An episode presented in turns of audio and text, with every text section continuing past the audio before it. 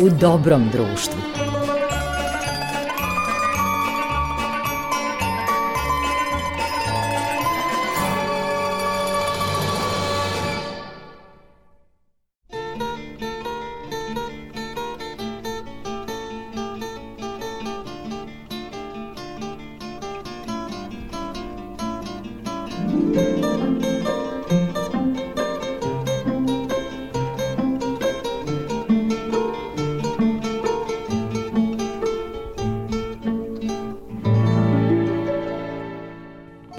Slušalci, dobrodošli u novo izdanje emisije U dobrom društvu. Ovoga puta je sa nama umetnik posebne vrste, u stvari stručnjak i majstor zanata zlatarskog, juvelirskog i savršeni poznavalac dragog kamenja. U pitanju je Srboljub Srba Janković, juvelir i gemolog, a njegova biografija je zaista izuzetna. Zlatarsku školu Srboljub Janković završio je u Subotici, a dalje usavršavanja obavio je na prestižnim zlatarskim i gemološkim institutima širom Evrope, kao što su Calegari u Italiji, a zatim je i diplomu gemologa stekao na Gemološkom institutu Nemačke u Idar Obersteinu. Veštinu izrade nakita, kovanje, učio je i na Zlatarskom institutu u Minsteru, takođe u Nemačkoj, a identifikaciju briljanata i ostalih dragulja usavršio je na HRD Gemološkom institutu u Antwerpenu.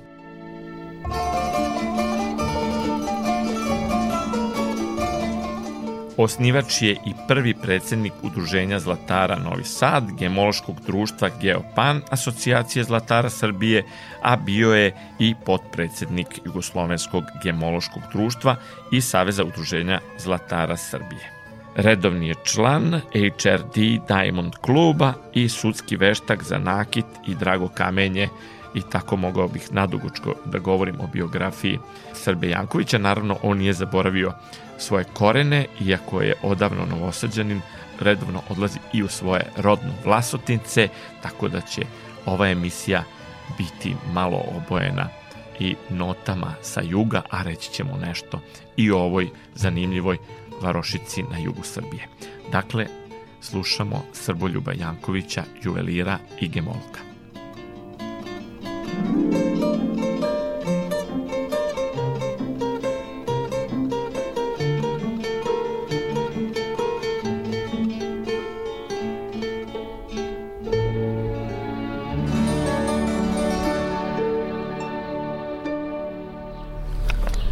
Gospodine Jankoviću, hvala vam što ste odvojili vreme za ovaj razgovor, a meni je utoliko prijatnija ova mogućnost da razgovaram sa vama, što sam, eto, u vašem rodnom Vlasotincu, u jednom živopisnom kraju, jednom posebnom mestu, tako da ćemo govoriti i, i o Vlasotincu, ali ćemo pre svega razgovarati i o zlatu i o dragom kamenju i nakitu, ono što je vaša specijalnost i po čemu se izdvajate uopšte u svojoj struci u Srbiji. Dakle, vaš i moj gost, gospodin Srba Janković, dobrodošli u emisiju u Dobrom društvu.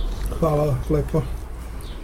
U uvodu emisije sam vas predstavio, ali eto, recite još nešto eventualno što bi bilo važno naglasiti kada je u pitanju zlatarska struka, kada je u pitanju zanat koji ste usavršavali ne samo ovde, nego i širom sveta.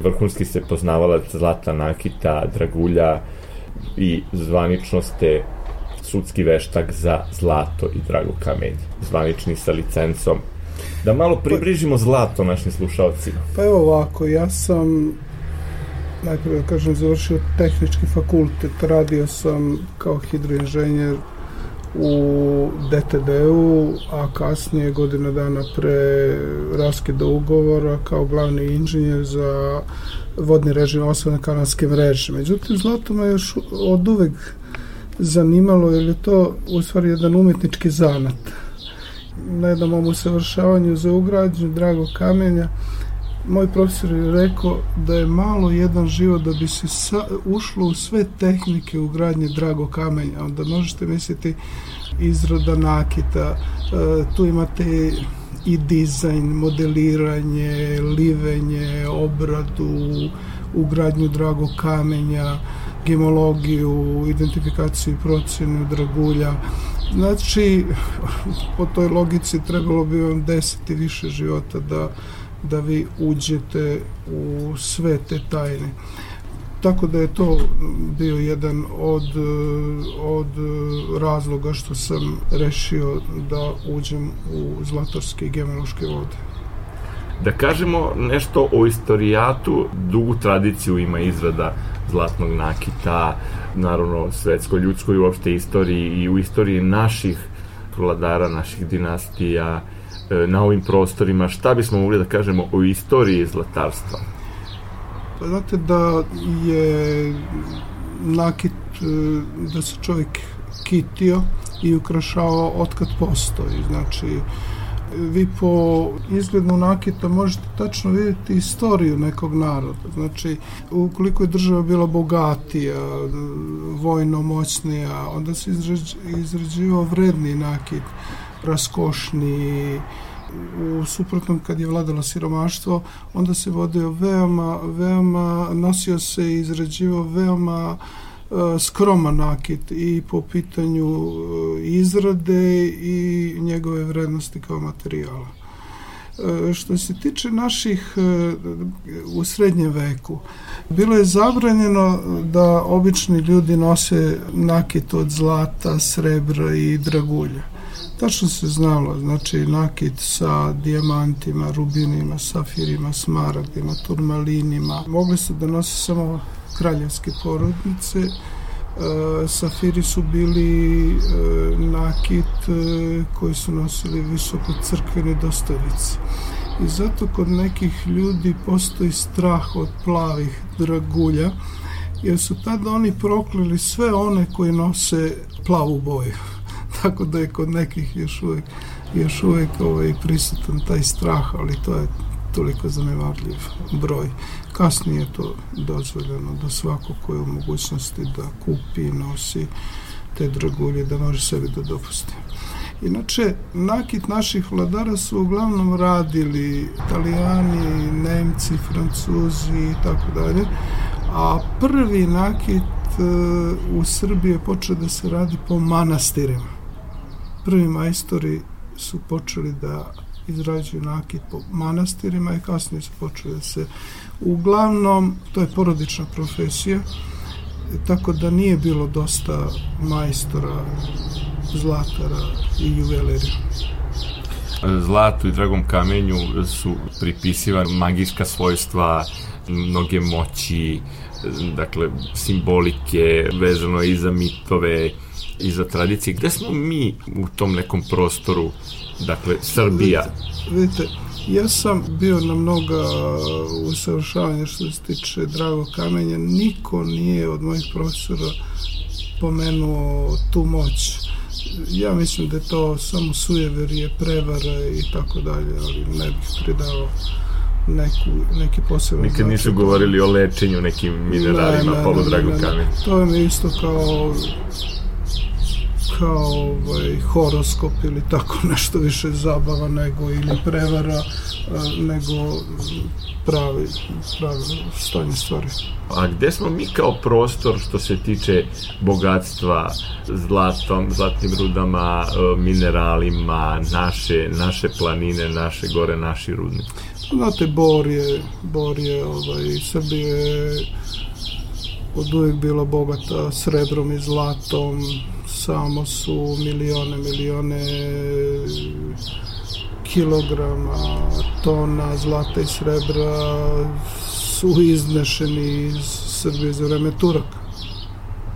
Ovaj, rudnik Lece, rudnik e, Bor su bogati zlatom. A što se tiče Dragulja, jedino Fruška gora i Cer su nalazišta poludrago kamen. Mi nažalost nemamo rudnike da bi Ove, jer da bi bilo dijamanata potrebno je e, da se desi vulkan. Da, erupcija. Kao što znamo, erupcija, kao što znamo, to na našim prostorima nije bilo. Ali poludrago kamenje ima dosta, dosta dobro, ali se nažalost to ne unovčava, to se samo koristi ovako kao kolekcionarska kolekcionarska zabava. E, a kog recimo ima na Fruškoj gori poludrago kamenja?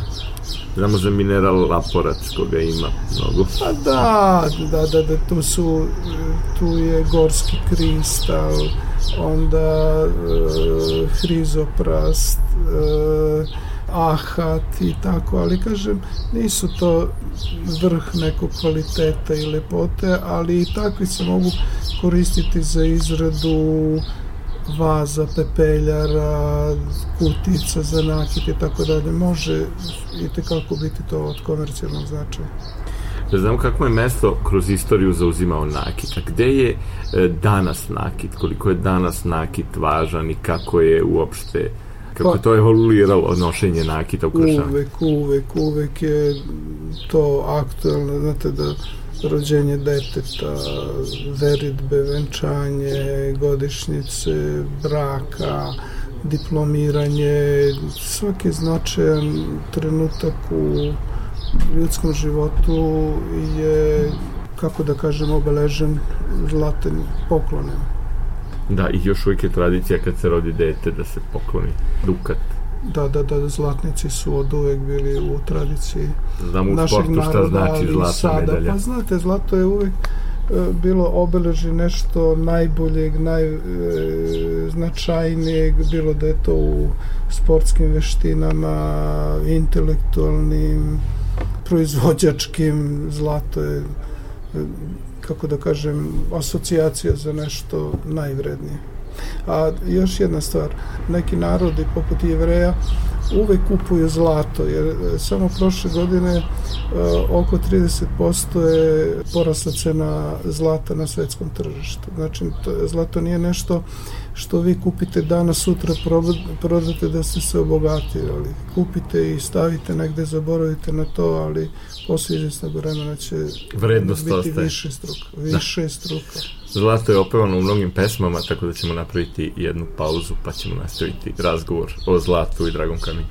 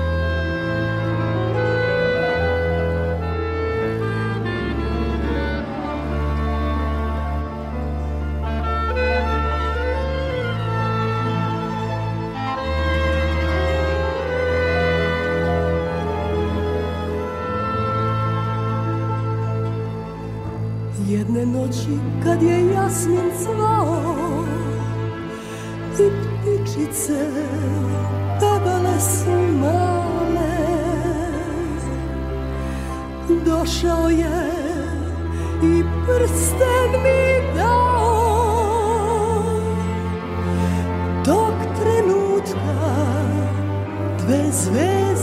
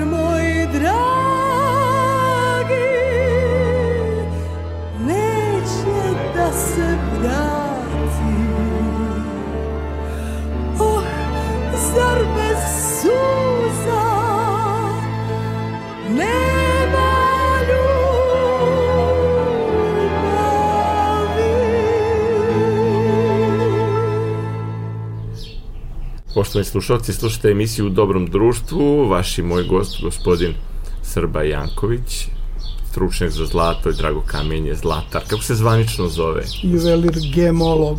A, Gemologija je, da kažem, jedna od mlađih nauka, to je, ona se bavi proučavanjem dragog kamenja, sintetikom i biserima.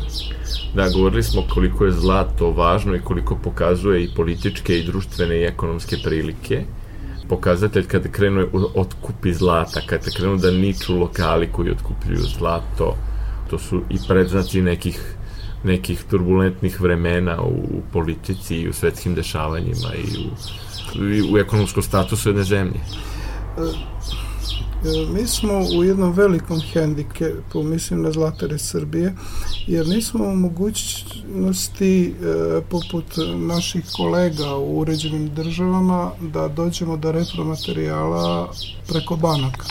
Znači, mi do njega dolazimo otkupom ali nismo, mi smo mnogo srećni kad prodajemo nakit nego kad vršimo otkup, ali to je deo našeg posla, to je deo života. I često nemaština, kriza i tako dalje e, tera ljude na taj korak. Ali opet, kaže, mi ne možemo garderobu ovaj, prodati, iznašenu garderobu, ali zlato pokidano u hiljade delova će nekad e, doneti veću vrednost nego kad je kupljeno kao novo, kao nakit. Jeste, nasleđuje se i uvek ovaj, određuje moć, a i e, darivanje ne samo, ne samo ljudima, nego i darivanje svetinjama i znamo recimo koliko je ikona drevnih ukrašeno zlatom, počeo od same zlatne rize kojima su pokrivene zl- pozlačne ikone, zlato u brojnim na- naravno ritualima kao i bogoslužbene posude i sve ono, ovaj uvek je zlato nekako uh, ovaj pored simbolike značilo i nešto što će uh, praktično održavati nešto čistim bakteriološkim osim što će sijati i dominirati. E, ne baš, e, kad ljudi čuju da je nešto pozlaćeno, to ih impresionira. Međutim, sa gramom zlata možete slona pozlatiti, tako da to i nije neka posebna da, da, da, da. da, u stvari, vi koji ste stručni, vi možete precizno da odredite koliko karata ima određeno zlato iz koga je izrađen neki predmet, a mi koji smo laici za zlato, tu se ne snalazimo. Šta je važno znati još o, o zlatu kada se time bavite u životu i koliko je teško savladati zanat zlatara, sa- savladati koliko tu ima kreacije, a koliko mora da bude i zanata i struke da bi se izradio jedan zlatni predmet. Pa prvo, ukoliko nemate kreativnosti, to je običan kovački i livački, livački zanat. Znači, kreativnost je ono što daje lepotu i dušu ovoj profesiji. Što se tiče same finoće, recimo s vremena na vreme e, pojavi se falsifikata, Srbija je pretplavljena e, falsifikatom Franc Jožef, zlatnik Franc Jožef, preplavljen. Već, tako da i mnogi zlatari nisu u stanju da to primete. Znači tu su uključeni naj, naj, naj, naj veći stručnjaci, fizičari hemičari, da često i na kiselinu ne odreaguju. Tako da, šta da kažem, mislim, moj savjet je kupujte kod preverenih zlatara, raspitajte se, jer svaki čovjek i kad ode kod automehaničara, raspita se kakav je automehaničar, kakav je frizer, mesar i tako dalje. Na kakvom je glasu. Na kakvom je zla, glasu, na kakvom je poštenju i kakav, da kažem, kakvog je znanja. Neka pitaju gde su završili zlatarske škole, gde su se vršavali, su učestvovali na sajmove zlatarstva i su osvajali neke nagrade. Znači da bi E, stekli e, predstavu o tome gde će uložiti, gde će kupiti, a to nisu male vrednosti. Dakle, lako se može pogrešiti pa platiti skupo nešto što u stvari pa, ne vredi toliko. Pa evo ovako, ako se interesuje kako neko može da otvori zlatarsku radnju, možete vi, može svako sa ulice. Nažalost, još uvek kod nas je ne samo zlatarstvo, nego uopšte zanatstvo je uništeno. Ranije, da biste vi postali a, zanatlija, morali ste da prođete sve faze do, do toga. Danas je sve instant pomalo. Danas je instant i što je najvažnije za, za takve osetljive profesije gde su e, gde se mora e, prilikom dobijanja dozvola Znači da imate vi neko znanje, ne samo, nažalost, vrlo je malo proizvođača u Srbiji. Znači to je ono vreme kad su ljudi ostajali sa posla pa su onda dozvolili da svako otvara što je u nekoj uređenoj državi nezamislivo jer kad čovjek pročita da je neko zlatar on ipak misli da, da je on e, prošao neophodnu obuku i da zna taj posao, nažalost, što se tiče zlatarstva, to nije slučaj. Da, ne možemo da uzmemo zdravo za gotovo. Nikako. A ovi Dukati iz vremena Franca Jozefa, dakle, postoje i oni pravi, a mnogo oni... više falsifikata na tržištu. Pa jasno, oni se još uvek e, proizvode sa tim likom, tom finoćom. 986, to je najfinije e, zlato, Znači u kilogramu tog, e, tih zlatnika imate 986 grama čistog zlata, ostalo su legure. Ali kažem, nepušteni ljudi se bave time da proizvode to kao falsifikat e, sa tim legurama koji ne reaguju na kiseline i e, ja to dobro znam jer sam sudski veštak jedini u Vojvodini za nakiti drago kamenje i ja znam neke cake za to otkrivanje što nažalost mnogi moje kolege ne znaju i kod mnogih sam video da oni su otkupili nešto što jednostavno je bezvredno. Da, nastavit ovo, ovo, ovo poslu sudskog veštaka posle muzičke pauze.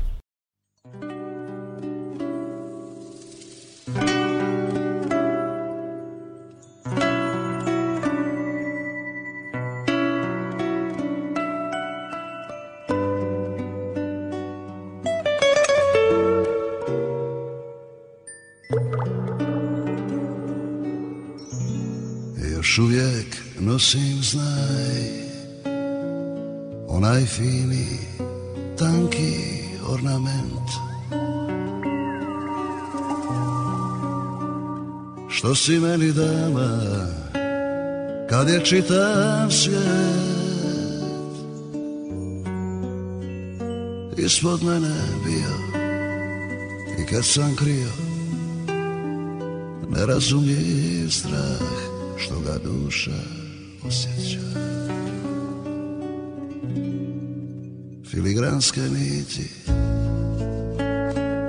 Na komadu brušenog metala. Što si meni dala? Kao da si znala. Zauvijek urezan. Jedan dan da me na te vječno podsjeća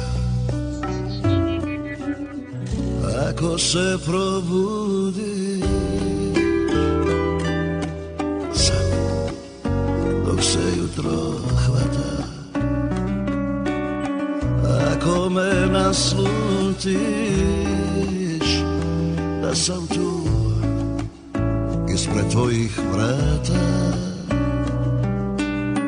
Još uvijek nosim znaj Sa moj bol oko vrata. Krvavu suzu rubina Na tankom obruču od zlata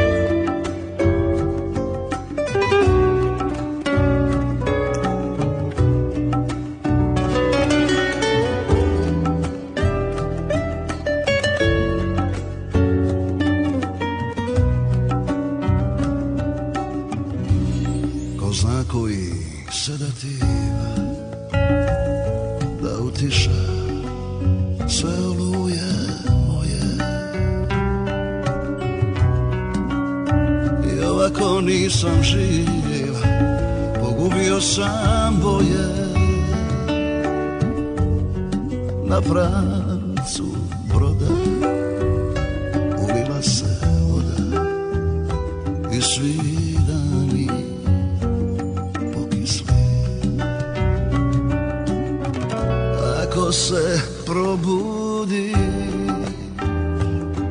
Sad Dok se jutro hvata Ako me naslutiš Da sam tu Ispred tvojih vrata. Još uvijek nosim znaj Sa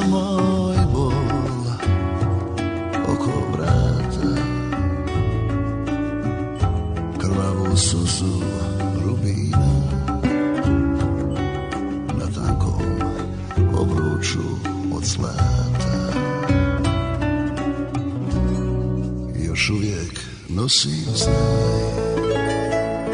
Onaj fini, tanki ornament. Filigranske niti brušenog metala. Kao da si znala da će jedan dan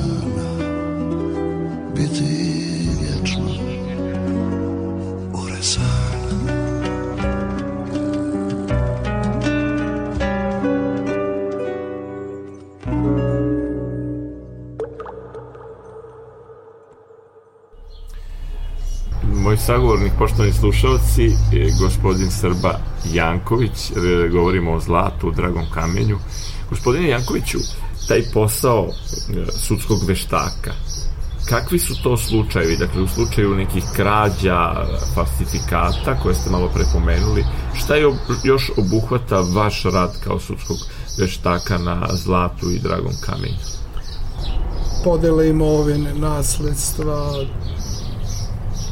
neke banke imaju, imaju zlatnik i tako dalje, pa se često me oni angažuju da procenim njihovu vrednost i tako dalje. Znači, široka je lepeza, to su dosta dosta nepredvidljivi ovaj, ishodi nekad o- očekuju moji klijenti da je to basnoslovna vrednost, onda to bude dosta ili, ili nikako ili dosta mala ili suprotno što je dosta redko, ali je često ljudi donose iz da nasledstva, da, da, da, da, i ovaj, da im se nešto pogleda, pogotovo nakice dragim kamenjem i tako. I ako bude dijamant, recimo brilijant, ako bude, onda, onda je to u starom brusu koji e, ima neuporedivo, neuporedivo manju vrednost nego ovaj, brilijant savremenijeg brus. Tako da je to važno. Drugo, vi, e, često me neko pita kolika je vrednost tog i tog kamena. Pa to, je, to vam je kao kada vas pita neko ko, e, kolika je vrednost vozila. Se zavisi kakvo je vozilo, u kakvom je stanju. Ovde se pre svega gleda karat, znači težina. Jedan karat teži 0,2 grama, a on nekad može da košta 10 eura, nekad može 10 miliona eura. Znači, zavisi kakve je čistoće, kakve je boje. Veličina, recimo. kod- Karat, da, kod- karat kod je karat, veličina. stvari, da. Karat, color, clarity i cut ili brus. Jer, Da, sve ovaj, nažalost, mnoge kolege, a i a o klijentinama da ne pričam, oni ne gledaju uh, kakav je brus. Jer nije isti brus u Antwerpenu ili Amsterdamu ili Tel Avivu ili u Indiji. Indija je kolevka drago kamenja. Tamo u svakom selu imate na desetine brusača, ali oni nemaju to umeće.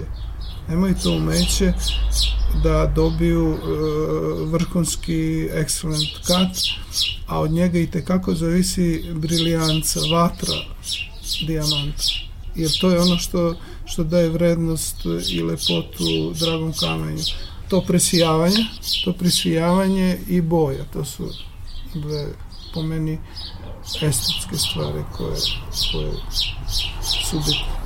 Kada je u pitanju drago kamenje, postoje oni redki primerci koji su izuzetne veličine i pojedini su na svetu jedinstveni. To smo gledali u mnogim filmovima, nekad su se i čitavi sukobi i zločini i ratovi započinjali zbog nekih dragocenih primeraka dragulja.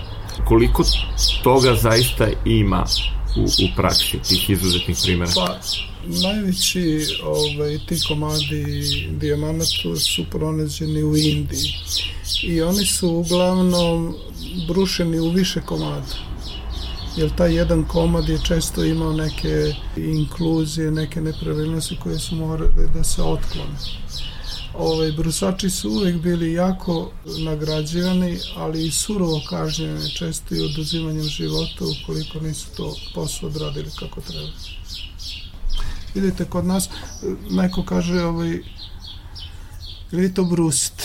Mi u, Srbiji ugrađujemo već brušeno ovaj, drago kamenje. Prvo da biste brusili neki dragulj trebate četiri godine da završite zanat brusače, to ne u Srbiji. Posle toga morate bar 8 godina da radite, da imate praksu da biste mogli da dobit, dobijete neki neki vredni komad nakita, jer kaže malo, malo neiskustvo, malo uh, osjeca koncentracije i kako može da se završi uništenjem kamena. Ne smete 48 sati da imate da ste koristili alkohol, da ste imali neki stres, da ste imali e, neko emocionalno uzbuđenje, jednostavno morate biti savršeno, savršeno e, smireni i koncentrisani Da, za da, taj da. posao. Da, da, znači, i, a, na neki način to traži i ljude posebnog kola i posebne, posebne i psihičke Stil, I strukture. stila života.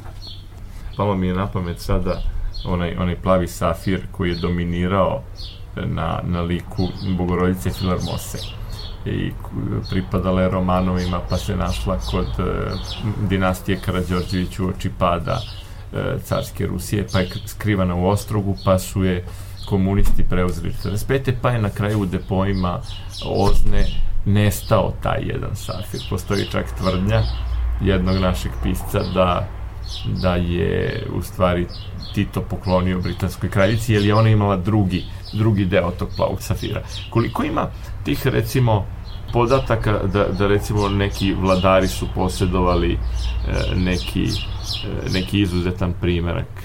Da li znamo nešto o tome?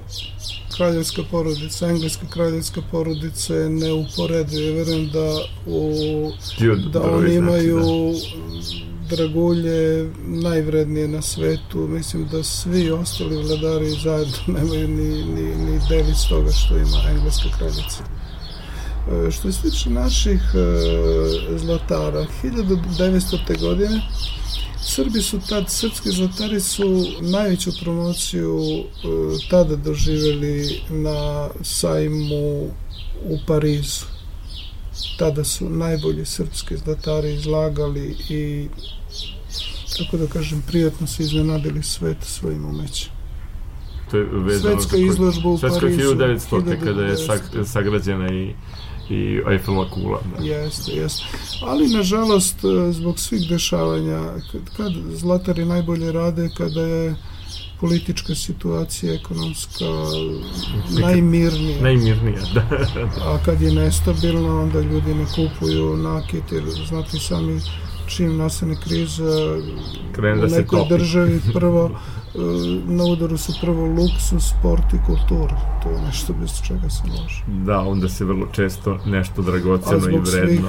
e, tih e, previranja na našim prostorima možda je to jedan od razloga što se taj zanat nije, nije na, postavio na stabilnim temeljima.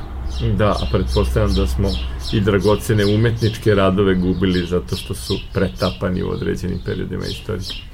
I to je to, ratovi, pljačke, i, kako da kažem, mislim, to je jedan složen proces i sve je to siromašivalo naše nasleđe. Vi ste sticali, e, dakle, i, i svetsko iskustvo. Što je na vas poseban utisak e, ostavilo u, u vašoj praksi i, i tokom izučavanja zlata i Pa dragocena? evo ovako, ovaj, ja sam diplomu gemologa stekao u Vičenci. U Vičenci, na institutu Calegari. Meni su italijani oduševili. Oni samo pričaju o usavršavanju, samo usavršavanje, samo usavršavanje. Ja sam je jednom kad smo na ručku bili pitao, pa dobro, vas zanima još nešto drugo sem, sem izrade nakita. Ma, kaže, to je i strast, ali drugo, ako bar mesec i po, dva meseca ne provedemo godišnje na ta kratka usavršavanja, mi gubimo korak sa konkurencijom, onda to je jedan od razloga što su ono vodeći u svetu. Znači, stalno dinamičan uče- zanat, pored toga što je stalno strastven. učenje, pa nije kao kod nas čim se završi zanat, ono, mislite da sve znate i do penzije ga tako radite. Oni se do penzije usavršavaju, usavršavaju, stalno uče. Da. Još jednu pauzu, nije nam ostalo mnogo vremena, a treba nešto reći i o Lasopnicu.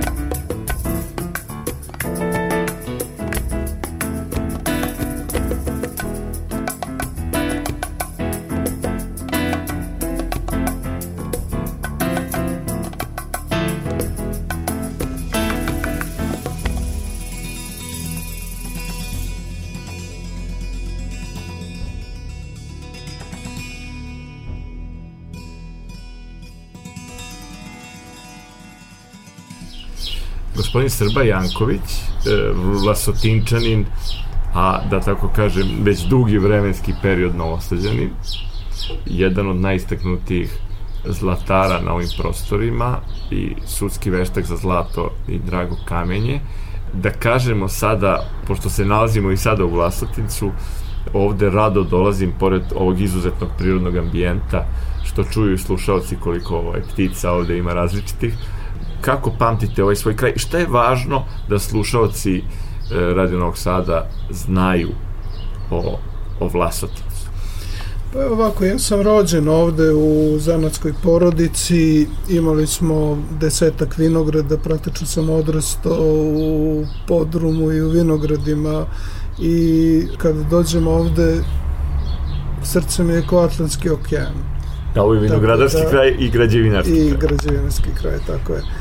Ovde, što se tiče neke ekonomske moći, nije baš e, za pohvalu, jer sve su fabrike po, pogasile, ostale su neke e, zanatske radnjice, imamo dosta građevinaca koji su van vlastinca rade građevinske objekte i uglavnom se novac sliva od njih u, u, u vlastnicu. Ali su ljudi vedri, ljudi su ovde e, veseli, ljudi nikada ne pričaju o nekim teškoćama i... Pozitivno su raspoloženi. Apsolutno. Tako da... Zaljubljenici da u život, rekao. Apsolutno. Vole život, vole muziku, vole da putuju.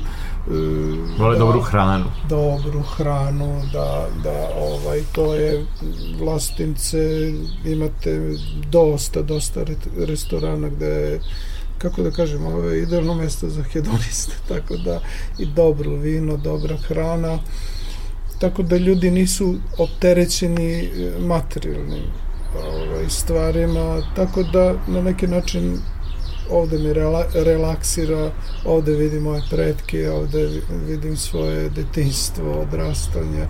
Tako jednom rečju da kažem da ovde uživam kad dođem. Vlasotince Vlasotince nije zagušano kao naši veliki gradovi. Pa nije, ipak ovde što se tiče mesta, lako nađete mesto za parking, možete praktično kolo i nije potrebno, vozilo nije potrebno, možete pešice svuda otići. Drugo vlasnice na negde 300, u proseku 300-350 metara veće nadmorske visine nego nego Novi Sad. Drugo, videli ste koliko je zelenilo, vlastnice u Kotlini, Bogato vodom. kristalno čista vlasina koja izvira iz Vlasinskog jezera protiče kroz centar Vlastinca. Imamo, imamo jezero, brane napravljene u centru, imamo šetalište pored same Vlasine, tu je restoran, bašta, Ostalo je par e, lepih istorijskih objekata. Da, da, da. Tako da ovde za mesto za uživanje, pogotovo u letnjim mesecima. Važno je da pomenemo da je Vlasotince iznedrilo mnoge velike ljude, pa da nešto kažemo i o istoriji Vlasotince. Pa čuveni trgovac Vlada Ilić, porodica Ilić, koja je pre između dva rata u Beogradu imala fabriku štof i bankar je bio i tako dalje. Onda profesor Nagorni, umetnik koji je predavao na akademiji u Novom Sadu. Onda profesor Parunović, e, oftalmolog svetskog glasa, tako to su samo deo, deo njih. Da, oftalmologija negde me podsjeti na zlatarstvo, treba imati dobro oko i, I ruku. smirenu ruku. Baš tako. Šta bismo sad za kraj razgovora mogli još da kažemo da smo recimo propustili? A važno je reći, vi ste mnogo učinili za svoj rodni kraj. Važno je, e, kažu čovek, ne, treba da završi život na zemlji, a da ne učini puno za svoj rodni kraj. Vi se e, trudite ovde i na kulturnom planu da, da se neki život podržava zanimljiv. Pa, znate šta, to što ste rekli, mislim, čovjek ako stvarno ništa nije uradio za mesto gde je rođen, za mesto gde živi, za profesiju kojom se bavi, zaista je sebičan bio ili kratkovit. Ja se trudim da stvarno maksimum ovaj, dam što znam i mogu za vlastnice, da animiram imućne ljude u svakom pogledu da isto to rade, da imamo jednu pripadnost u Vlasotincu i na taj način niko da nam ne bude za, zahvalan zbog toga, već je to naš jedan dug prema ovom mestu. Treba muzički obojiti nekako, osim pesmama o zlatu i nekom pesmom koja je vezana za Vlasotince, imate neki muzički predlog za ovu emisiju? Da su pesme iz ovoga kraja, neka pesma iz ovoga kraja. Pa evo recimo moglo bi Danka Vranjanka. naravno bit će sve u muzičkim bojama juga. E, Hvala mnogo, želim vam dobro zdravlje, pre svega, i uspeha dalje u poslu i da se često vraćate Vlasotincu, ako na napajanje. Hvala, želim ja vama lično svako dobro, zdravlje, napredak, posvećenost Hilandaru, da se ljudi što više informišu o tome, mnogi nisu bili na to naše svetilište i normalno vašoj kući, radio kući slušanost.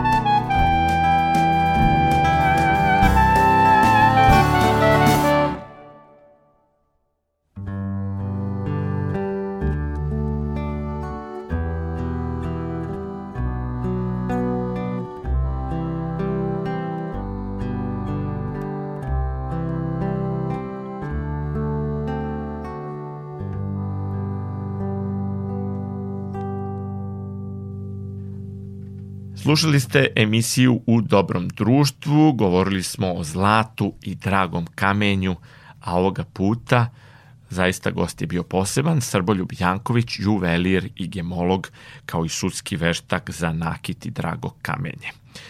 I ovoga puta uz vas su bili Marica Maca Jung, Muziku je za ovu emisiju birao Nikola Glavinić, a i ovoga puta vaš domaćin bio je urednik emisije Goran Vukčević.